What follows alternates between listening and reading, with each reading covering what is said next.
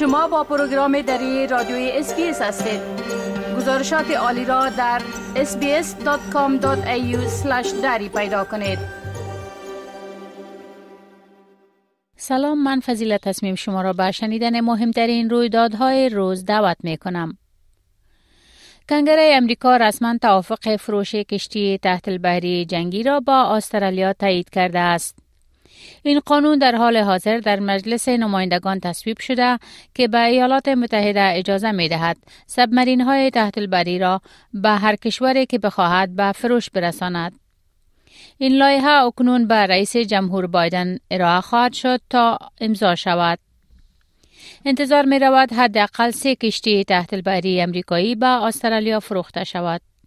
ریچارد مالز معاون صدر و وزیر دفاع استرالیا به شبکه هفته تلویزیون گفت که اهمیت تصمیم کنگره امریکا فراتر از فروش کشتی است. This is the, the first time in American history that there has been an authorisation to, sa- to sell a nuclear powered submarine to any country. Uh, and it's obviously critical in terms of uh, Australia acquiring this capability, moving down the pathway that we announced in, in March of last year. Uh, but it's not just the sale, it, it allows Australians to work in the nuclear enterprise in the US to gain skills and experience. It allows us to maintain uh, American flagged uh, nuclear powered submarines in Australia, which we're planning to do next year. استرالیا هنوز تصمیم نگرفته است که آیا با درخواست ایالات متحده برای اعزام یک کشتی جنگی به بیره سرخ در میان تنشهای جاری در خاور میانه که اسرائیل در نوار غزه علیه حماس می جواب مثبت خواهد داد یا خیر این درخواست از سوی نیروی بحری امریکا مطرح شد که می خواهد این کشتی به یک نیروی کاربین بین المللی بپیوندد. اسامه همدان یکی از مقامات ارشد گروه شبه نظامی فلسطینی حماس تلاش های اسرائیل برای سیلابی ساختن تونل های این گروه در غزه را نادیده گرفته است. نیروهای اسرائیلی سیلابی ساختن این تونل ها را به صورت محدود آزمایش کردند و این اقدام را به عنوان یکی از راه های وسیع از گزینه ها برای تخریب شبکه تونل ها بررسی می کنند. همدان می گوید تونل ها با تمام امکانات ساخته شدند. این تونل ها توسط مهندسان آموزش دیده و تحصیل کرده ساخته شده. و آنها هر نوع حمله را که ممکن است توسط اسرائیلی ها انجام شود از جمله سرازیر ساختن آب در نظر گرفتند. هنگامی که شما این تونل ها را به عنوان بخشی از مقاومت می سازید باید تمام عواقب آن را در نظر بگیرید. من نمی توانم بگویم که هیچ تهدیدی وجود ندارد. اما می توانم تایید کنم که تهدید در حد اقل است. Those tunnels were built by well trained and educated engineers, and uh, they have considered uh, any kind of attacks may happen by the Israelis, including bombing water. When you build uh, those tunnels uh, as a part of resistance, you have to consider all the consequences. I can't say there is no threat, but I can uh, confirm that the threat is at the minimum. جیم چامز خزاندار حکومت فدرال استرالیا می‌گوید که داشتن یک بودجه محدود توانایی حکومت را برای ارائه کمک های هزینه زندگی تحت شعا قرار نخواهد داد. نتایج بودجه اوسط سال گذشته نشان داد که یک خط پایین سالمتر عمدتا به دلیل مالیات پرداخت شده بالاتر توسط شرکت ها و افراد و همچنین بلند رفتن دستمزد می تواند استرالیا را به داشتن یک اقتصاد سالم بازگرداند. برخی از گروه های خدمات اجتماعی به دلیل عدم وجود اقدامات اضافی برای رسیدگی به استرس بودجه برای افراد کم درآمد و متوسط ابراز نارضایتی کردند.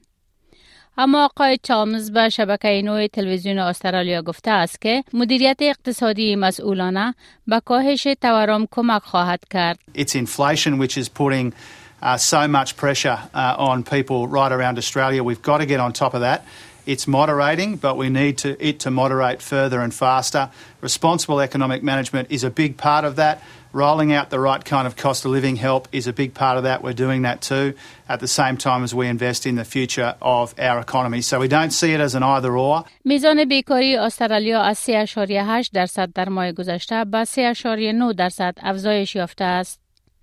ارقام جدید از اداره آمار استرالیا نشان می دهد که با وجود این میزان بیکاری در سطوح پایین تاریخی باقی مانده است. و دریافت شغل نیز 61 هزار نفر افزایش یافته است. اقتصاددانان می‌گویند آمار بالاتر بیکاری ناشی از تلاش برای کنترل تورم است. آخرین تغییرات بودجه معرفی شده توسط جیم چامز خزاندار حکومت فدرال پیش بینی می کند که بیکاری می تواند از رسیدن به 4.5 درصد تا اواسط سال 2025 به 4.25 درصد افزایش یابد. ده ها هزار نفر از دانش آموزان سنوف دوازده در نیو ساوت ولز نتایج ختم مکتبشان را برای شمولیت در پوانتون ها دریافت کردند. 65 هزار شاگردان سنوف دوازده امتحانات اخیر سال را پشت سر گذاشته و از جمله 55523 شاگرد شامل دانشگاه ها شدند. 49 نفر از این جمله شاگردان بالاترین نمرات شمولیت در دانشگاه ها را به دست آوردند. کریس مینز صدر اعظم نیو ساوت ولز با کسانی که نتایج را که می‌خواستند به دست نیاوردند گفت مسیرهای شغلی بیشماری برای آنها وجود دارد So for the students that are happy with their ATAR result, with their HSC marks, congratulations on an outstanding result. For those that are unhappy or didn't live up to the expectations that they set themselves, can I just say in an unambiguous way that the world is your oyster. There are so many ways to achieve what you want in life. And I think anyone here who is our current age, I'm not going to disclose my own, would swap in a heartbeat for a student in Australia in 2023 who was 18 or 19 because there are so many opportunities. در گزارشی از صدای امریکا آمده است که نتایج یک سروی اداره امور زنان سازمان ملل متحد، سازمان بین المللی مهاجرت و دفتر حیات معاونت ملل متحد برای افغانستان نشان می دهد که دسترسی با آموزش و کار کلیدی برای چالش های زنان و دختران در افغانستان است. این سروی که از طریق گفتگوی تلویزیونی و حضوری با 462 زن در 33 ولایت افغانستان تهیه شده است، ضرورت آموزش دختران بالاتر از صنف ششم و تحصیل دختران و زنان در دانشگاه ها را واضح ساخته است. زنان در سه ماه گذشته با جزیات تمام تجارب و توصیه های خود را برای ملل متحد در این سروی بیان کردند.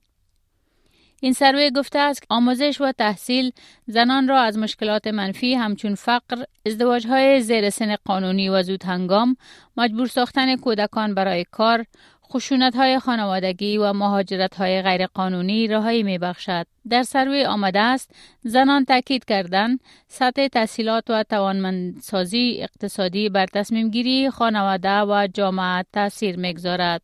این بود مهمترین رویدادهای روز از برنامه دری اسپیس.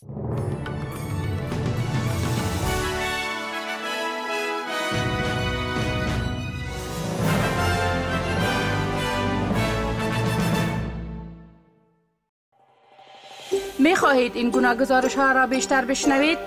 به این گزارشات از طریق Apple Podcast، Google Podcast، Spotify و یا هر جایی که پادکاستتان را می گیرید گوش دهید.